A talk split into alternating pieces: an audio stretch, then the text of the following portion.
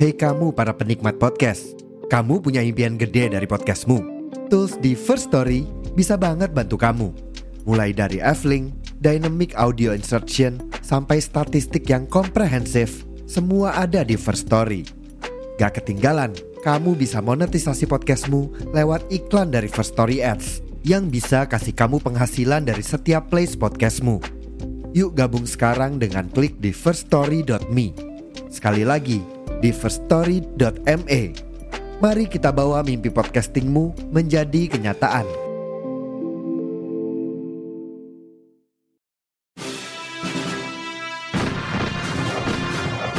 Saya berbicara di sini sebagai penyambung lidah rakyat Indonesia.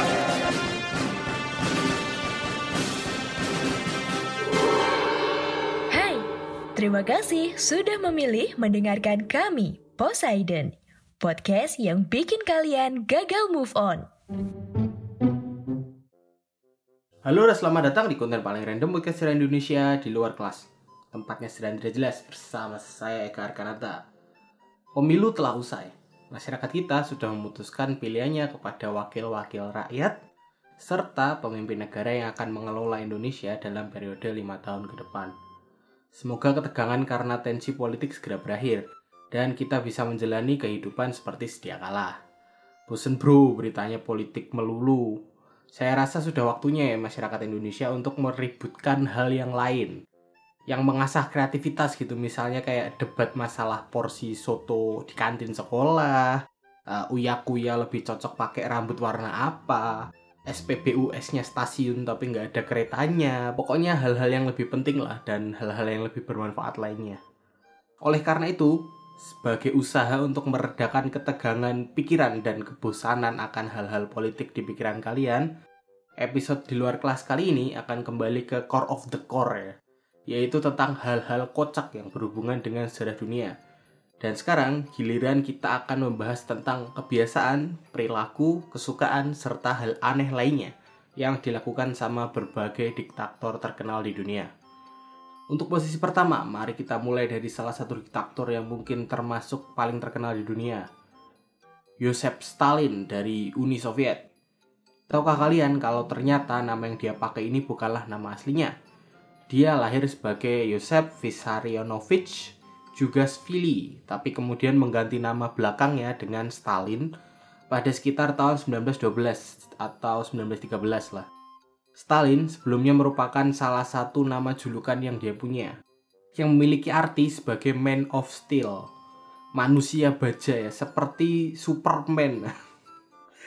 Tapi Superman dibuatnya tahun 1939 sih, jadi Stalin udah pakai nama ini lebih dulu. Cukup aneh ya kalau ngebayangin bahwa superhero yang sering jadi simbol harapan, ini ternyata punya julukan yang sama dengan diktator terkenal yang sangat identik dengan kekejamannya. Stalin meninggal pada 5 Maret 1953 karena terkena stroke. Sesuatu yang sebenarnya bisa dicegah kalau aja dia nggak aneh. Jadi, Stalin tuh punya sebuah aturan yang sangat saklek ya dan tidak bisa ditawar, yaitu tidak boleh ada yang masuk ke kamarnya apa pun yang terjadi. Udah mirip kayak kelakuan remaja puber ya. Hal ini tentu saja merepotkan dong, apalagi kalau Anda adalah pemimpin tertinggi sebuah negara yang usianya sudah renta dan punya riwayat kesehatan yang buruk.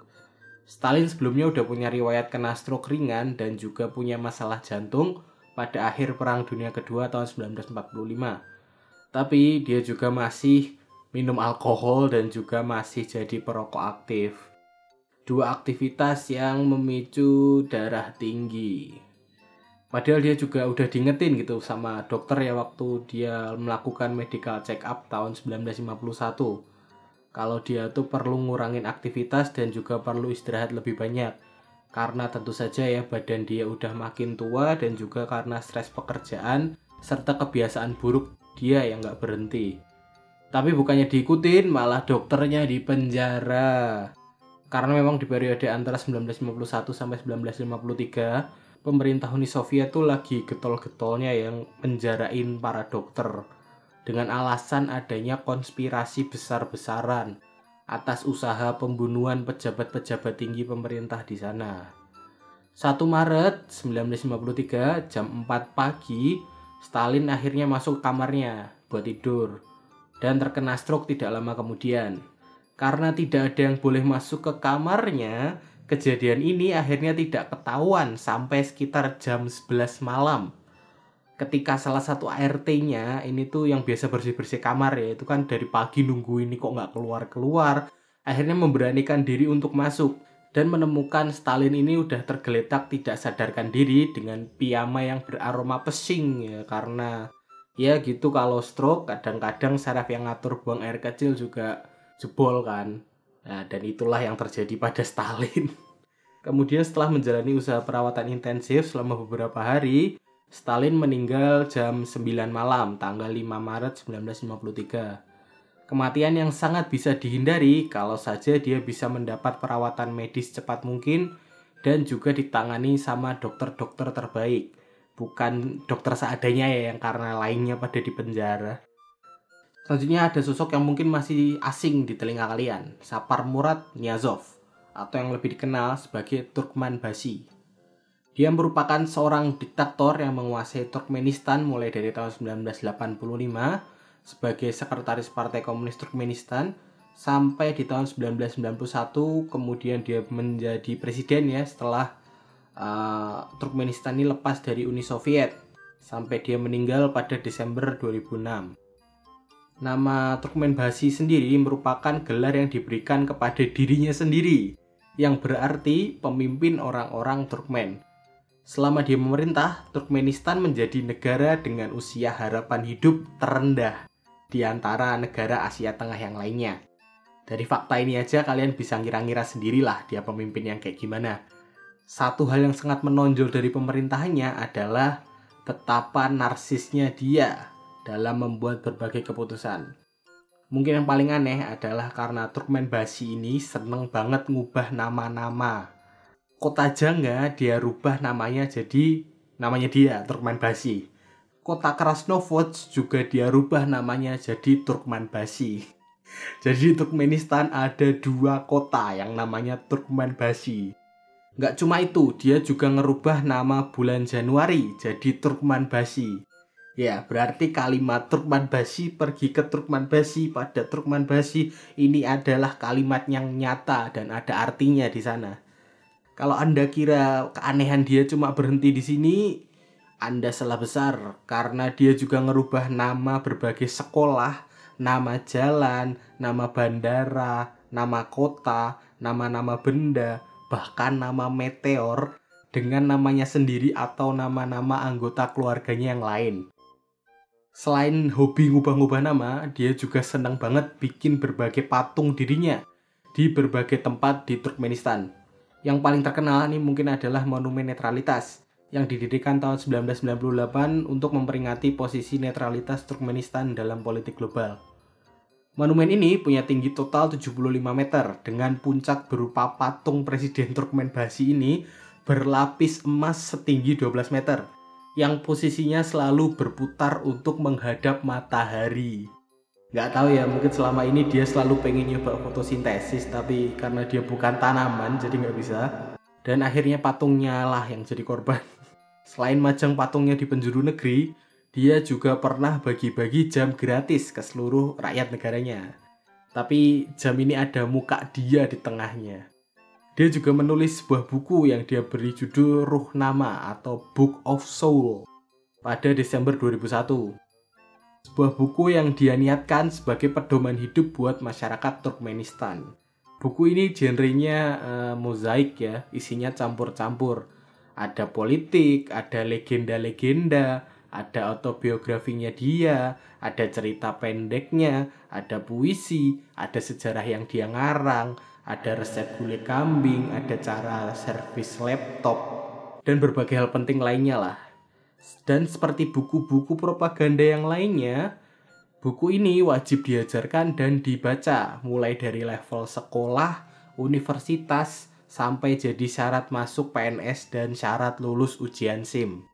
Dan bagian ini saya nggak bercanda ya, ini bagian SIM tadi beneran loh. Jadi walaupun skill nyetirnya kalian tuh nabrak ibu-ibu dan nabrak kandang kambing, selama Anda hafal ruh nama kalian boleh dapat SIM. Oh iya, dan kalau kalian nemu buku ini, naruhnya nggak boleh sembarangan. Karena menurut Turkmen Basi sendiri, buku ini posisinya setara sama Injil dan Al-Quran. Itu tadi adalah hal-hal yang kaitannya sama dirinya sendiri, dan hal-hal yang dia sukai. Sekarang mari kita bahas yang dia nggak suka dan dia larang dari negaranya. Pertama adalah anjing. Dia melarang keberadaan anjing di ibu kota, Asgabat ya, ibu kotanya Turkmenistan karena dia nggak suka sama baunya. Ya, bukan karena haram atau karena apa, tapi karena bau, makanya dia nggak suka. Di tahun 1997, dia juga melarang rokok dari semua tempat umum, termasuk di kantor-kantor pemerintahan. Hal ini terjadi pasca Presiden Turkmenbasi sendiri ini tuh harus berhenti merokok karena operasi jantung ya. Positive thinking aja, mungkin dia nggak pengen rakyatnya punya masalah kesehatan kayak dia. Dan bukan karena dia tuh ngiri gitu. Nggak bisa ngerokok lagi. Makanya yang lain juga dilarang ngerokok. Dia juga ngelarang laki-laki untuk punya rambut panjang dan juga numbuhin jenggot pada Februari 2004 mungkin karena dia takut sama limbat ya atau gimana saya nggak tahu. Kemudian dia juga ngelarang warganya untuk punya gigi emas. Mungkin supaya nggak mirip sama rapper-rapper Amerika ya yang jelas beberapa aturan dan kebijakannya ini tuh aneh dan kemudian berhenti dan dihilangkan secara total ketika dia tuh meninggal dan digantikan sama presiden baru. Tapi seaneh-anehnya kelakuannya Turkmen Basi, seenggaknya dia nggak pernah ngaku jadi Tuhan. Kayak subjek pembahasan kita yang selanjutnya, yaitu François Duvalier dari Haiti. Dia memerintah sebagai presiden mulai dari tahun 1957, lalu lama-kelamaan mulai berubah menjadi lebih otokratis dan sudah dikategorikan sebagai diktator ya pada saat dia meninggal tahun 1971. Duvalier juga dikenal dengan nama Papa Doc karena backgroundnya sebagai dokter dan keahliannya di bidang medis selama Perang Dunia Kedua. Tapi selama memerintah sebagai Presiden Haiti, persona yang dia gunakan ini tuh justru sangat berkaitan erat sama dunia spiritual, terutama ilmu voodoo. Ini setara kayak dokter Tirta yang tiba-tiba berubah jadi Gus Samsudin Duvalier sendiri mengaku sebagai sosok Baron Samedi, salah satu luai atau sosok yang setara sama dewa lah dalam tradisi voodoo. Untuk menguatkan image ini, dia tuh selalu menggunakan kacamata hitam dan juga bicara pakai suara hidung. Kayak Lucinta Luna. Saking parahnya, dalam salah satu propaganda rezimnya, dinyatakan bahwa Papa Dok ini merupakan sosok yang sama dengan Lua Yesus Kristus dan juga Tuhan. Ngarang, udah ngawur ini udah ngarang sekali. Buat konteks segila apa Papa Dok ini, dia percaya kalau John F. Kennedy ya Presiden Amerika Serikat yang meninggal ditembak itu terjadi karena dia yang masang kutukan. Terus dia juga percaya kalau salah satu lawan politiknya yang sedang buruan kala itu yang namanya Clement Barbot ini bisa berubah jadi anjing hitam dan memerintahkan pembasmian seluruh anjing hitam di wilayah ibu kota Haiti. Dia juga pernah mendeklarasikan diri sebagai makhluk tak berwujud dan juga sebagai bendera Haiti. Waduh. Kurang aneh apa coba? Jadi bendera loh. Udah segitu aja ya, bisa-bisa saya yang ketularan gila kalau kelamaan bahas begini. Gimana menurut kalian? Siapa yang paling aneh? Silahkan tulis di kolom Q&A atau kolom komentar sesuai dengan platform tempat kalian mendengarkan. Terima kasih udah dengerin sampai habis. Kalau punya kritik, saran atau ada ide bahasan, silahkan dikirim ke Instagramnya Poseidon di @podcast underscore sejarah Indonesia atau ke Instagram pribadi saya di Kecap. Jika ada kesalahan, saya mohon maaf sebesar-besarnya. Saya Eka Arkalanta pamit. Sampai bertemu di konten Poseidon yang lainnya. Bye-bye.